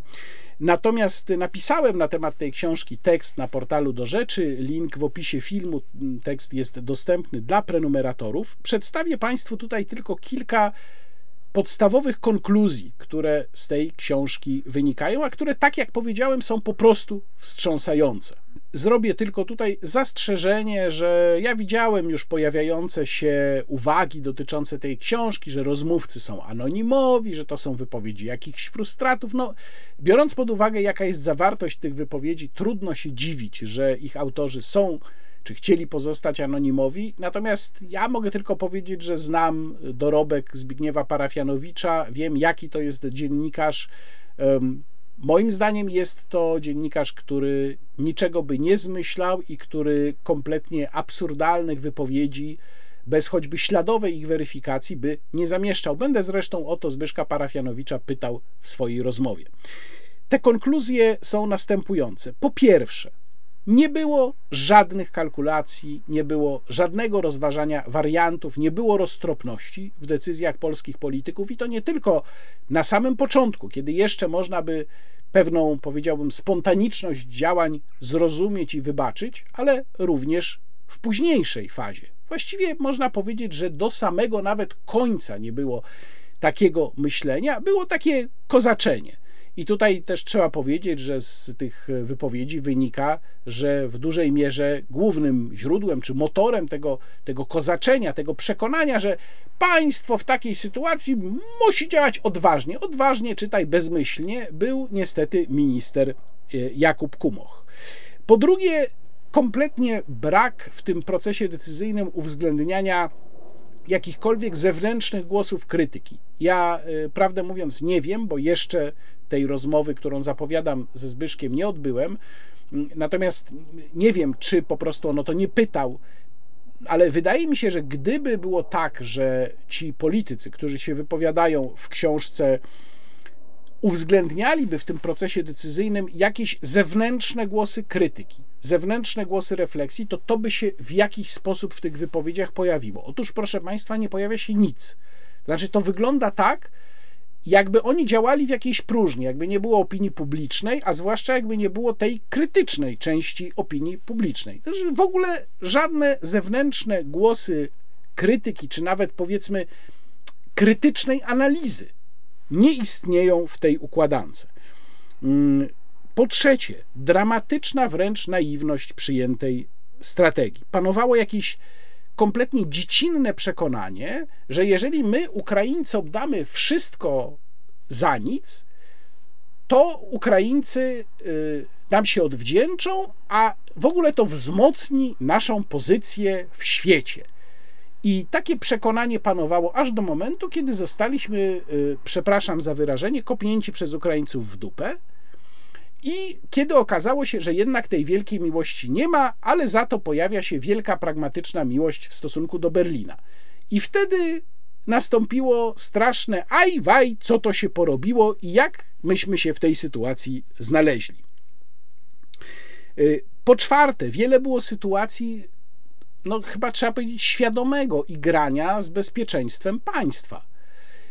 To była sytuacja podstawienia w częściach samolotów MiG-29, bo to w tej książce zostaje potwierdzone, podstawienia Ukraińcom tych samolotów w częściach. Y, rozmówcy autora mówią, że pamiętny wyjazd do Kijowa Jarosława Kaczyńskiego z trzema premierami, z Mateuszem Morawieckim, Janezem Janszą z, ze Słowenii i Petrem Fialą z Czech w marcu 2022 roku był niebezpieczny i niósł ze sobą zagrożenia. I ja pamiętam doskonale, jak o tym pisałem, że to jest skandaliczna brawura i dokładnie wypowiedzi w tej książce to potwierdzają ale nawet pierwszy wyjazd Andrzeja Dudy do Kijowa, jak się okazuje, nie był bezpieczny. I rozmówcy Zbigniewa Parafianowicza mówią o tym z jakąś zadziwiającą beztroską. No tak, no było zagrożenie. No tylko nie, nie mówią do końca, na czym ono polegało, no ale można wywnioskować z kontekstu, że było to zagrożenie po prostu, że prezydenta zabiją na tej Ukrainie. No, do tego się to sprowadza.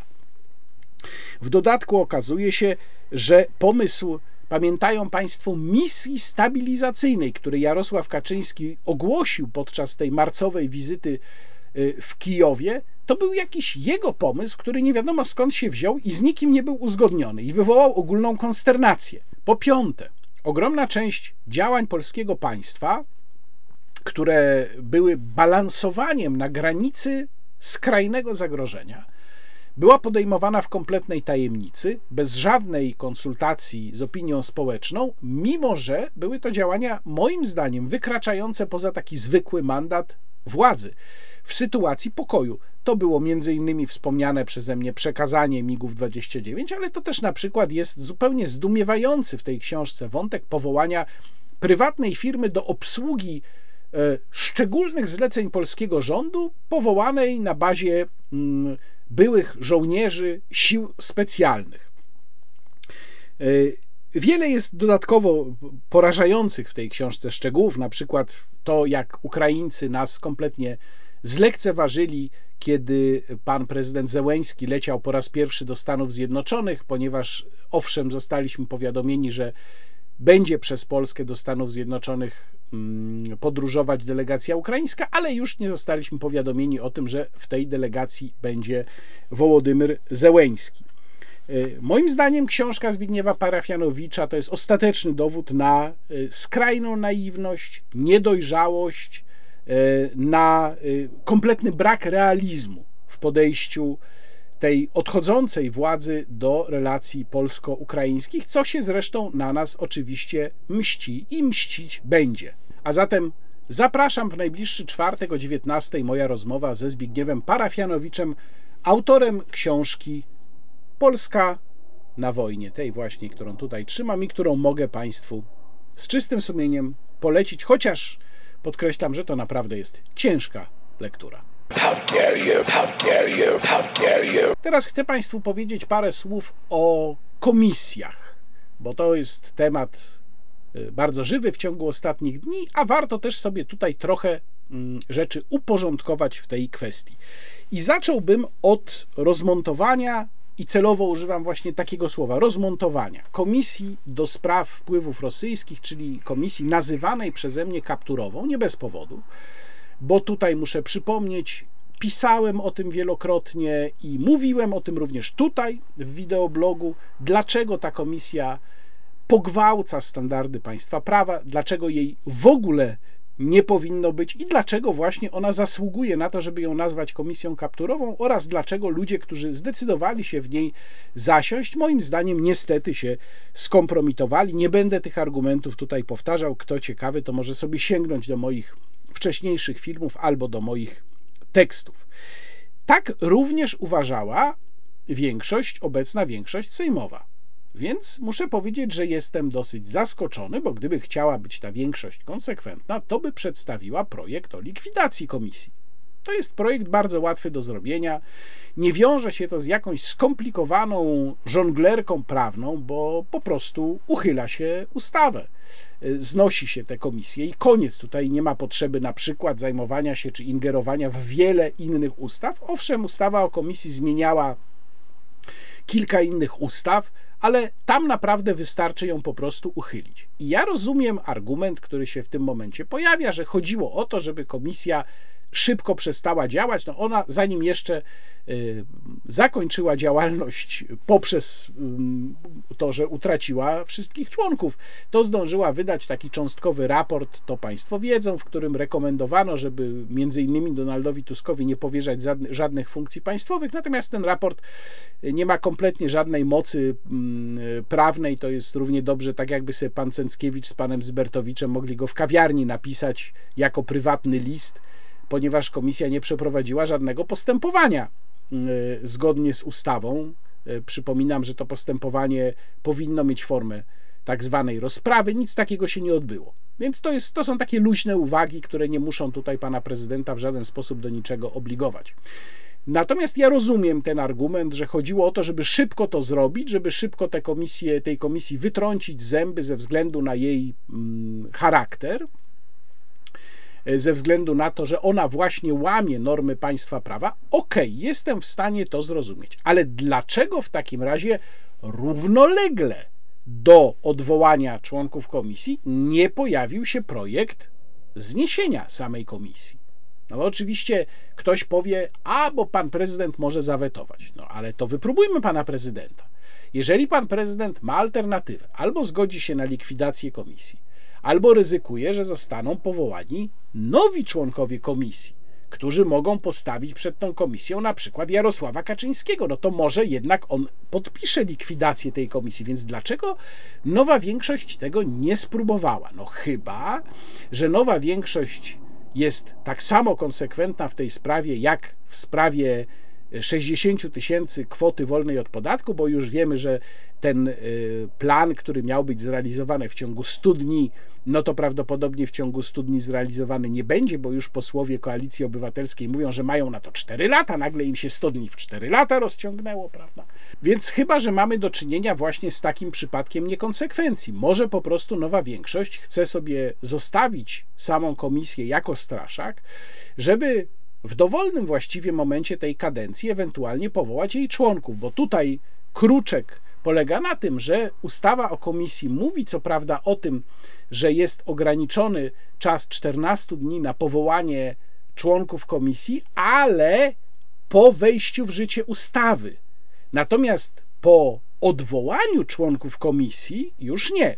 Tam już nie ma żadnego terminu, czyli komisja może, że tak powiem, na pusto istnieć, nawet do końca tej kadencji, ale ewentualnie może też zostać pewnym momencie zapełniona nowymi członkami. A teraz o komisjach, których jeszcze nie ma, ale których powołanie jest proponowane już w tym Sejmie dziesiątej kadencji. I tutaj ważna uwaga, przypomnę, komisji do spraw wpływów nie należy mylić z tymi komisjami śledczymi, ponieważ ta komisja do spraw wpływów była odrębnym organem administracji istniejącym niezależnie od Sejmu, a komisje śledcze są powoływane na podstawie ustawy o komisji, o Sejmowej Komisji Śledczej z 1999 roku i ich istnienie jest ograniczone e, czasem kadencji, danej kadencji Sejmu. I nie wiem, czy Państwo wiedzą, ile tych komisji było. No jakbym teraz miał Państwa tu przed sobą, to bym zapytał, jak Państwo sądzą, ile ich było? Bo mało kto pamięta je wszystkie. Otóż tych komisji, proszę Państwa, policzyłem, było do tej pory 10. 10 komisji śledczych, z których część już może nawet nie jest pamiętana. Czy na przykład Państwo pamiętają, że była taka komisja naciskowa, albo że była komisja do spraw porwania i zabójstwa Krzysztofa Olewnika? A takie oczywiście były. Y, wracając do tego, jaka jest konstrukcja komisji śledczej, komisja śledcza jest powoływana bezwzględną większością głosów, czyli za powołaniem komisji śledczej musi być więcej posłów, więcej głosów w Sejmie niż wstrzymujących się plus tych, które są przeciwko.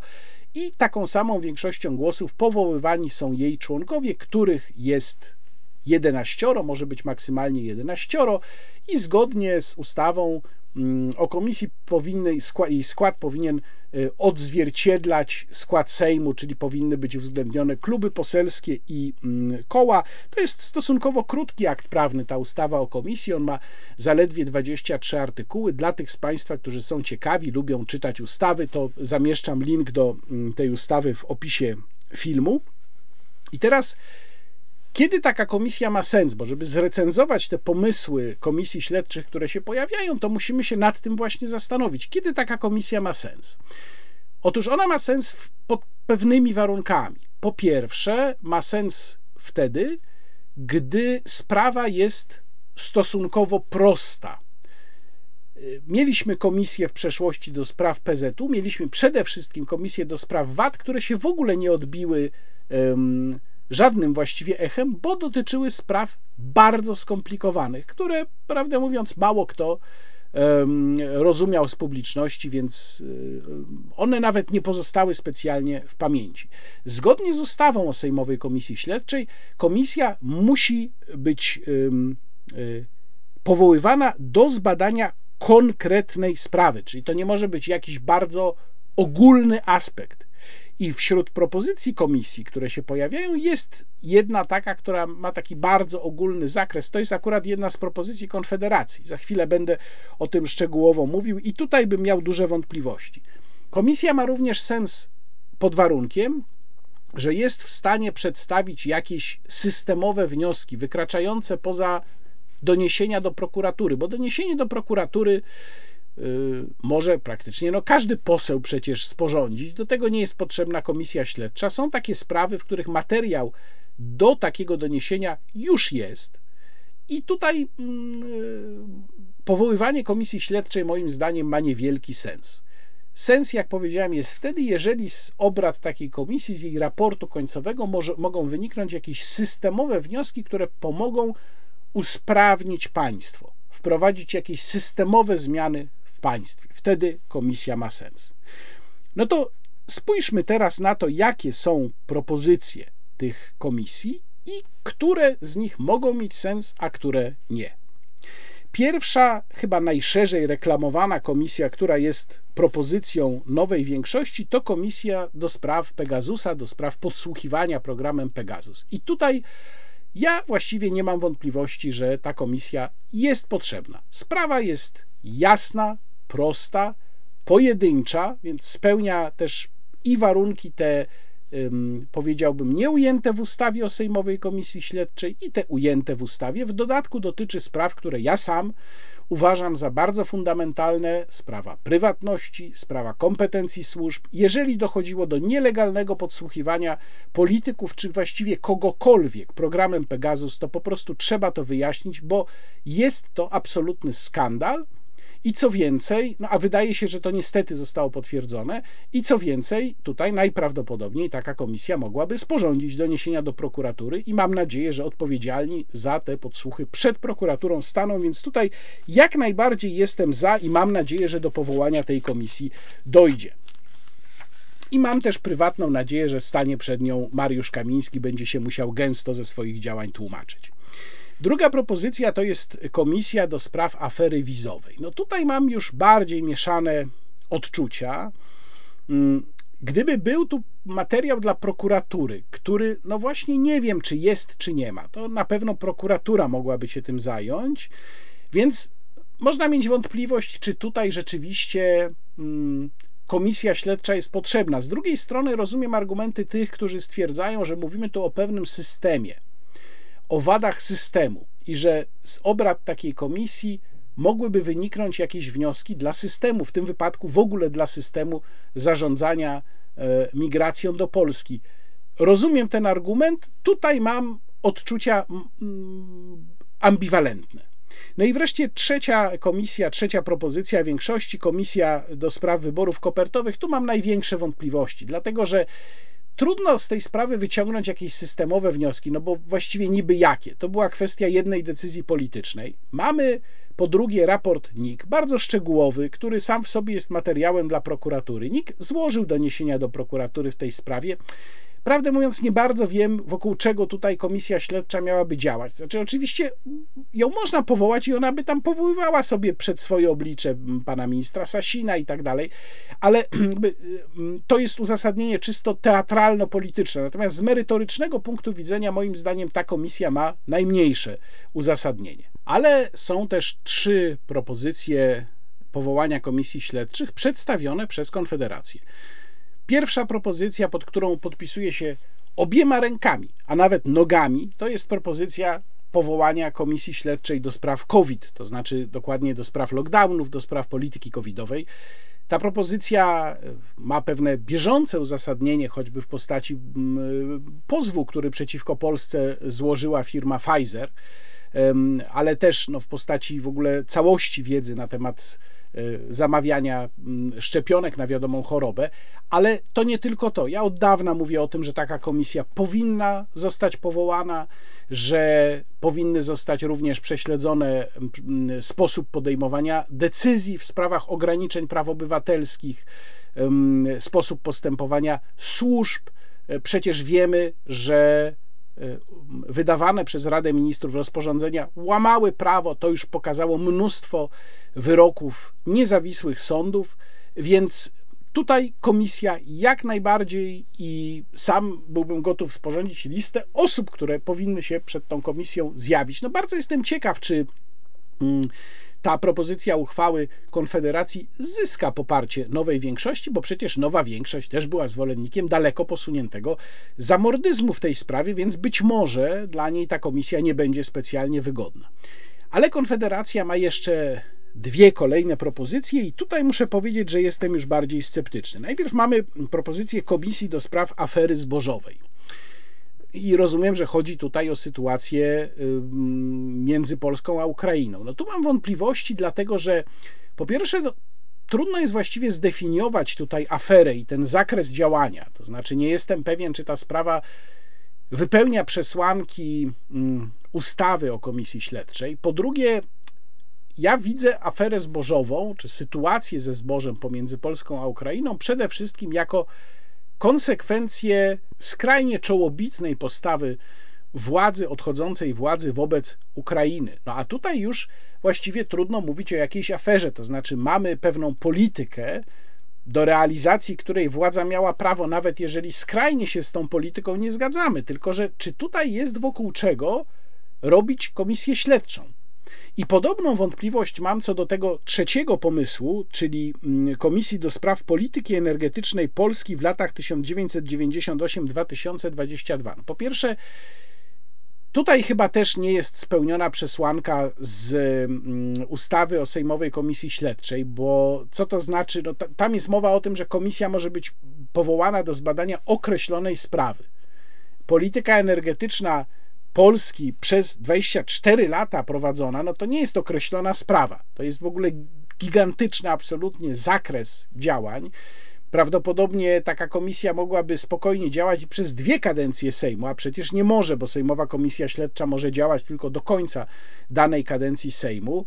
I właściwie też trudno powiedzieć, czym tu konkretnie miałaby się zajmować, bo polityka energetyczna Polski w tych latach była mm, pochodną polityki przyjętej przez poszczególne rządy. No te rządy mające demokratyczną legitymację mogły realizować politykę być może całkowicie błędną naszym zdaniem, ale jednak miały do tego prawo. gdybym ja to miał jakoś zawęzić, no to być może warto by było powołać komis komisję śledczą na przykład do spraw mm, budowy polskiej elektrowni jądrowej i sprawdzić, dlaczego elektrownia jądrowa nie została wybudowana do dzisiaj, kiedy przecież te plany, mm, gdyby, gdyby pierwotne plany były realizowane, to ona już nie tylko by stała, ale już by działała w tym momencie, bo taki kiedyś był plan. Być może to jest takie zagadnienie, którym warto by się zająć. Natomiast to, jak Konfederacja w swojej propozycji szeroko to zdefiniowała, to do mnie nie przemawia. Uważam, że taka komisja śledcza raczej nie ma racji bytu. No problem polega na tym, że te komisje śledcze, które zostaną powołane, najprawdopodobniej utoną w tej e, sejmowej teatralności. I obawiam się, że wszystko to, co ja tutaj powiedziałem, patrząc na zasadność ich powołania z czysto merytorycznego punktu widzenia, zostanie po prostu stracone. Chociaż, proszę Państwa, nie wiem, sam, sam zadaję sobie to pytanie, proszę mi odpowiedzieć w komentarzach. Czy Państwo uważają, że nawet jeżeli to będzie teatr, to i tak udałoby się jakieś wnioski z tego wyciągnąć?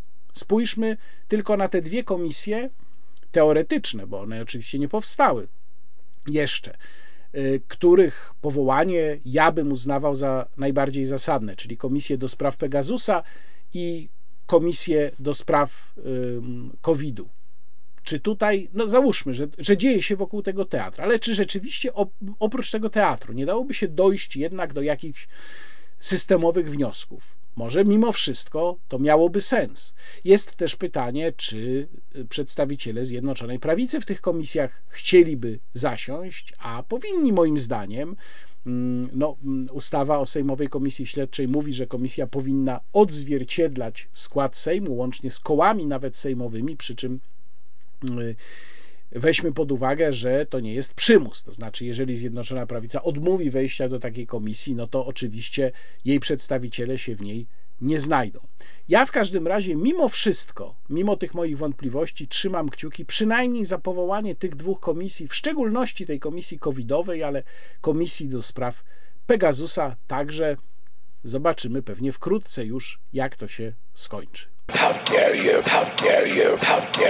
A teraz już odchodzę od spraw bardzo bieżących, żeby opowiedzieć Państwu trochę o innych kwestiach, chociaż na razie to jeszcze nie jest dział kulturalny, który będzie za chwilę. Na razie chciałem e, bardzo pogratulować Instytutowi Edukacji Ekonomicznej imienia Ludwiga von Misesa na którego dziesiątym zjeździe austriackim byłem w ostatni weekend i tutaj jubileusz jest podwójny, bo zjazd austriacki był dziesiąty, a dwudziestolecie swojego powołania obchodzi Instytut imienia Ludwiga von Misesa. Dlaczego zjazd austriacki? No, dlatego, że mówimy tutaj o tak zwanej austriackiej szkole ekonomii, którą najbardziej rozsławiło dwóch jej najwybitniejszych przedstawicieli, czyli lwowiak z urodzenia Ludwik von Mises, urodzony w 1881 roku, zmarł w Nowym Jorku w 1973 roku, i Fryderyk von Hayek. To są najbardziej znani przedstawiciele szkoły austriackiej, ale co ciekawe, przy okazji właśnie dziesiątego zjazdu austriackiego odbyła się premiera filmu E, Tomasza Agenckiego, pewnie znanego e, większości tych moich widzów, którzy są związani z kręgami wolnościowymi, filmu Karl Menger Notatki na marginesach. To jest naprawdę znakomity, bardzo dobrze zrobiony, pełnometrażowy, e, trwający godzinę i 40 minut film dokumentalny o Karlu Mengerze. I to tak naprawdę Karl Menger z urodzenia nowosądeczanin, ponieważ urodził się w roku 1840 w Nowym Sączu, a zmarł w 1921 roku w Wiedniu, to Karl Menger był prawdziwym twórcą tej szkoły e, austriackiej, która, którą można też nazwać szkołą nowoczesnego, współczesnego liberalizmu. Karla Mengera y, Tomasz Agencki w tym filmie pokazuje zarówno jako teoretyka ekonomii, jako filozofa, ale też jako człowieka. Bardzo dobrze tam y, autor filmu połączył te wątki, opowiadając o Karlu Mengerze, który w wieku zaledwie 31 lat napisał swoje fundamentalne, najbardziej znane dzieło, czyli Zasady ekonomii, y, które zostały przetłumaczone na polski szczęśliwie. Grundsätze der Volkswirtschaftslehre, taki jest tytuł oryginalny. I na czym polegała rewolucyjność myślenia Karla Mengera o ekonomii?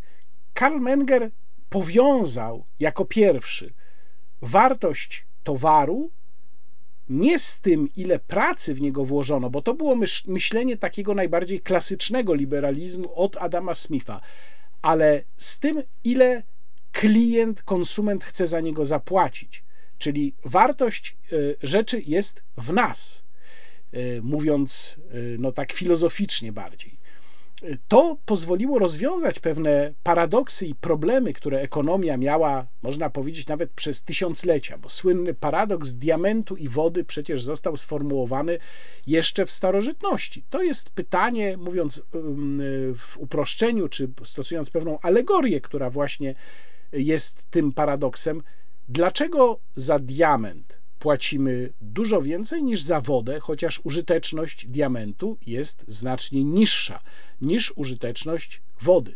No i dopiero właśnie podejście, jak na tamten moment, rewolucyjne podejście Karla Mengera pozwoliło to zrozumieć, bo po prostu odpowiedź tkwi w tym, ile jesteśmy skłonni zapłacić za coś, co jest w danym momencie dla nas użyteczne. Jeżeli woda staje się powszechna i jej zdobycie jest bardzo łatwe, to dla nas ma ona w tym momencie mniejszą wartość, ale gdybyśmy, mówi Menger, znaleźli się na pustyni i mieli do wyboru, i byli skrajnie spragnieni, i mieli do wyboru szklankę wody albo diament, to wtedy wartość tych dwóch rzeczy zmieniłaby się radykalnie. Byłaby zupełnie inna niż kiedy jesteśmy w cywilizowanym miejscu, i wtedy jesteśmy napojeni, i wtedy mamy przed sobą szklankę wody i diament. Wtedy diament ma subiektywną wartość dużo większą, ale na pustyni można zapłacić i dziesięcioma diamentami za szklankę wody po to, żeby z pragnienia nie umrzeć.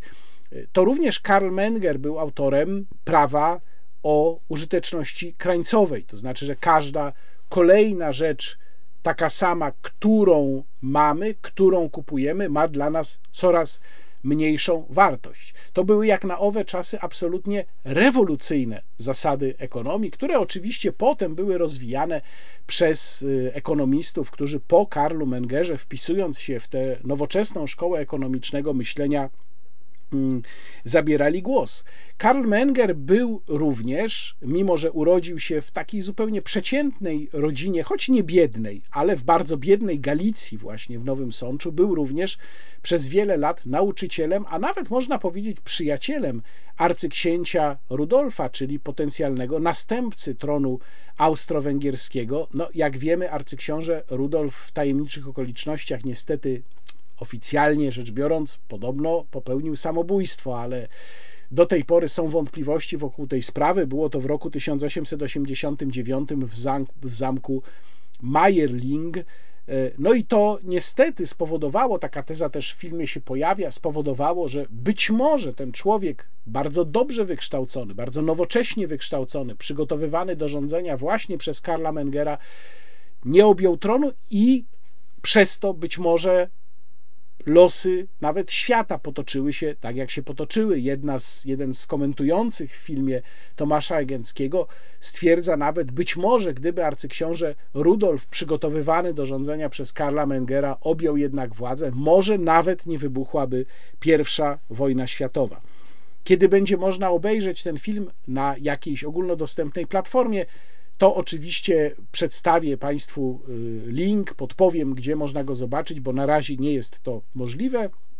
No jeszcze jako ciekawostkę mogę dorzucić, że w 2021 roku w Nowym Sączu jednemu z nowo wybudowanych rond nadano imię, zresztą po burzliwej dyskusji w Radzie Miasta nadano imię Karla Mengera, czyli rodzinne miasto Karla Mengera wreszcie jakoś go uczciło. Na zjeździe austriackim y, było dużo interesujących dyskusji i naprawdę przyszło dużo osób. Była też mowa o libertariańskiej odnodze, jeśli można tak powiedzieć, austriackiej szkoły ekonomicznej. Mamy w Polsce sporo libertarian. Ja myślę nawet, że wśród swoich widzów mam wielu libertarian. Jeżeli tacy są, to bardzo proszę się tutaj zidentyfikować mm, w komentarzach. Oczywiście były y, panele poświęcone libertarianizmowi, nurtowi, który powołał do życia urodzony w 1926 roku Marej Rothbard, amerykański y, myśliciel, publicysta, ekonomista. Y, no i także w, szczególnie zwróciłem uwagę na to, że w jednym z paneli była mowa o tym, że przedstawiciele szkoły austriackiej są bardzo silni w Polsce. To jest w ogóle ciekawe. Okazuje się, że około 10% wszystkich europejskich ekonomistów, którzy przyznają się do austriackiej szkoły ekonomicznej, jest właśnie w Polsce a to tylko licząc pracowników naukowych, bo cały czas mm, są y, nowi adepci austriackiej szkoły ekonomicznej, więc pod tym względem polskie uczelnie ekonomiczne naprawdę są mocne, to daje pewną nadzieję.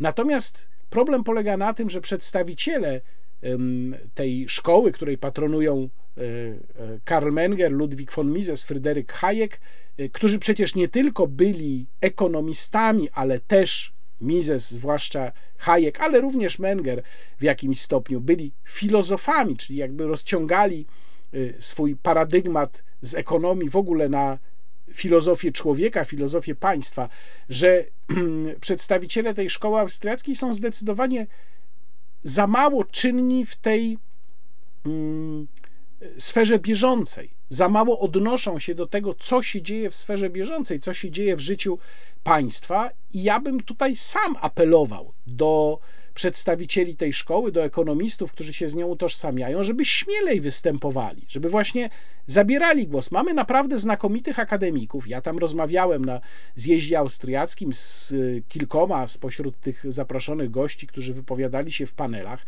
To były naprawdę świetne rozmowy. To są niesamowicie y, ciekawi ludzie z ogromną erudycją. Szkoda, że oni swoje wypowiedzi ograniczają przede wszystkim do tego pola akademickiego. Ja bym bardzo apelował, bo tego po prostu brakuje. Brakuje takiego porządnego, solidnego, nowoczesnego liberalizmu gospodarczego, ale także liberalizmu w myśleniu o państwie i o obywatelu. Dlatego bardzo bym apelował, żeby oni się ośmielili, żeby tego było więcej, żeby śmielej wychodzić i odnosić się również do spraw całkowicie bieżących a y, Instytutowi imienia Ludwiga von Misesa gratuluję 20 lat istnienia. Życzę kolejnych nie 20, ale kolejnych 100 lat, bo to jest bardzo potrzebna działalność. Link do strony Instytutu zamieszczam w opisie filmu i namawiam wszystkich Państwa do zainteresowania. Można kupić książki, można obejrzeć tam filmy, posłuchać podcastów. Można wreszcie, jeżeli ktoś ma takie zainteresowania, jeżeli ktoś z Państwa studiuje ekonomię albo jakiś inny przedmiot, właściwie cokolwiek, to można się zaangażować również w działalność Instytutu imienia Ludwiga von Misesa. I na koniec kilka słów o kulturze. E, już od paru wydań wideoblogu reklamuję kartki świąteczne Fundacji Incanto. Tym razem tak się składa, że mam e, trzy kartki świąteczne Fundacji przy sobie. Chciałbym tutaj je Państwu pokazać. One naprawdę znakomicie się prezentują, a wydaje mi się, że to jest prawdopodobnie ostatni moment, kiedy jest szansa na to, żeby te kartki zamówić jeszcze przed świętami, jeżeli chcą je Państwo komuś wysłać, ale ja myślę, że taka kartka, mm, nawet gdyby doszła tuż przed świętami, to ona będzie pięknie wyglądać jako dekoracja świątecznego stołu, więc y, namawiam, zwłaszcza, że to jest taka trochę też cegiełka na Fundację Incanto, więc jeżeli mają Państwo życzenie wesprzeć fundację, której jestem ambasadorem, to polecam link do mm, sklepu fundacji do, tam, gdzie można kupić kartki, zamieszczam. Ale jeszcze jedną rzecz ze sklepu fundacji chciałbym tym razem zareklamować.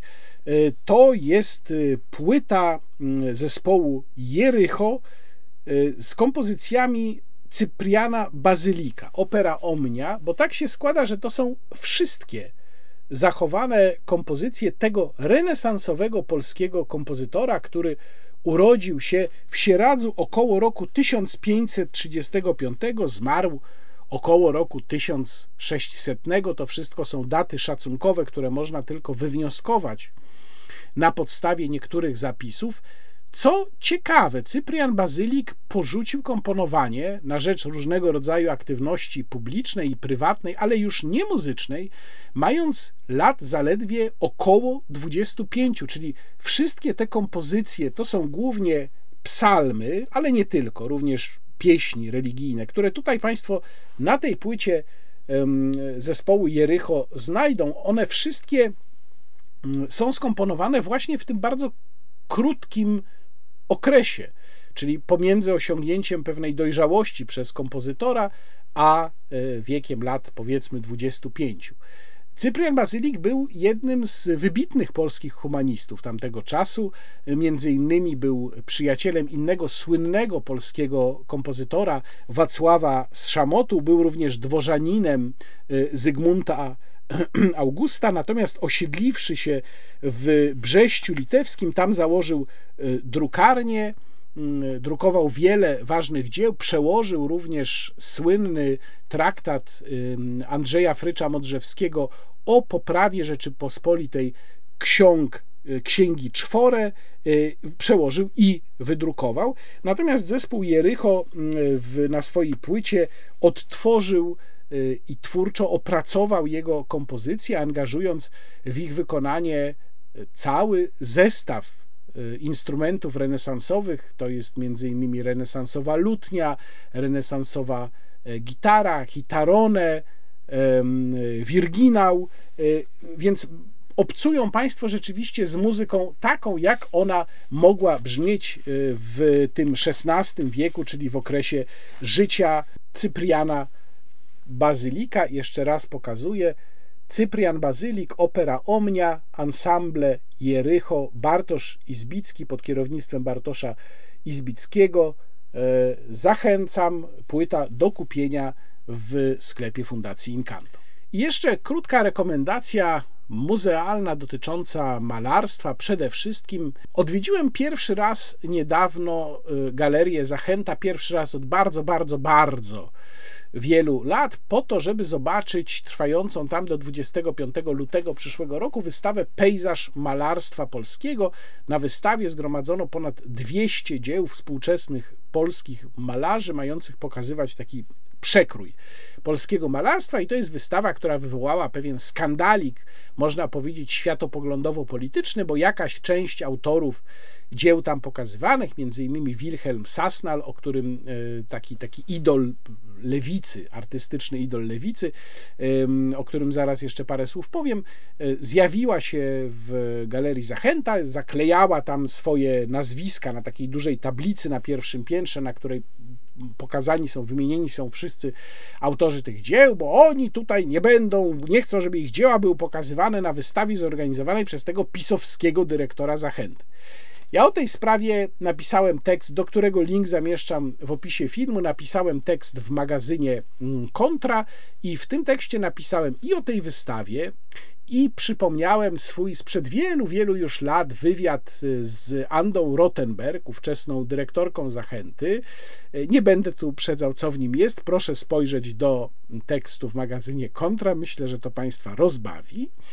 Y, I również napisałem parę słów o Wilhelmie Sasnalu, bo tak się składa, że pod wpływem właśnie y, tej informacji o tej wystawie, a konkretnie o tym proteście na wystawie, y, sięgnąłem y, po wywiad z Wilhelmem Sasnalem opublikowany w magazynie Gazety Wyborczej i byłem, proszę Państwa, w szoku, ponieważ miałem wrażenie, że czytam wywiad nie z malarzem, po którym no, można by, po, po malarzu celebrycie można by oczekiwać jakiejś powiedzmy, no przynajmniej choć troszkę pogłębionej refleksji nad sytuacją ogólną. Natomiast miałem wrażenie, że czytam wywiad z jakimś totalnie prymitywnym członkiem tak zwanej lotnej brygady opozycji. Również o tym wywiadzie i, i, fragmenty z tego wywiadu są w moim tekście w magazynie Kontra, więc tu nie będę uprzedzał. Mogę tylko powiedzieć, że na pewno płócienko Sasnala, które na tej wystawie widziało, wisiało, a głównie składało się z jakiejś ciemnej plamy, kompletnie nie wzbudziło mojego zainteresowania. No i zresztą też trzeba przyznać, że mm, większość, myślę, że tak powiedzmy z 75 do 80% dzieł, które tam wisiały, raczej mijałem dosyć szybko, chociaż muszę przyznać, i dlatego namawiam Państwa mimo wszystko do pójścia na tę wystawę, muszę przyznać, że te pozostałe 20% w jakiś sposób mogło być intrygujące. Niektóre z tych dzieł nawet dosyć mocno. Mm. Są tam czasem nawiązania do sakrum, jest tego trochę. Te nawiązania bywają nieoczywiste. Stajemy przed takim obrazem, zastanawiamy się, czy to jest jakaś forma protestu, czy to jest jakaś forma pokazania, jak można sakrum przemycić do dzisiejszego świata. Są tam też nawiązania do poetyki, mówię teraz o poetyce malarskiej, do poetyki barokowej, może nawet do poetyki renesansowej. Są nawiązania zupełnie oczywiste do El Greco, są nawiązania do Jacka Malczewskiego. Powiedziałbym, że warto pójść dla tych powiedzmy 20% obrazów, które coś w sobie mają. Nie muszą Państwo uznawać, że są wybitne, nie muszą Państwo być nimi zachwyceni, ale wydaje mi się, że jeżeli nie mamy do czynienia z taką chamską, wulgarną prowokacją, w czym wielu współczesnych artystów się lubuje, ale coś namawia nas do myślenia, zatrzymujemy się i się przez chwilę zastanawiamy, to chyba wtedy to jednak możemy powiedzieć, że to jest sztuka, że to jest coś, co nas zaintrygowało w taki właśnie pozytywny sposób. Pejzaż malarstwa polskiego, galeria Zachęta do 25 lutego 2024 roku. Zachęcam, namawiam, a ja za dzisiaj już Państwu serdecznie dziękuję. Jeszcze raz bardzo dziękuję wszystkim swoim subskrybentom. Do subskrypcji namawiam. Dziękuję za wszystkie odtworzenia i komentarze, a szczególnie nisko, jak zawsze, kłaniam się swoim mecenasom. Łukasz Warzecha. Do zobaczenia. How dare you? How dare you? How dare you?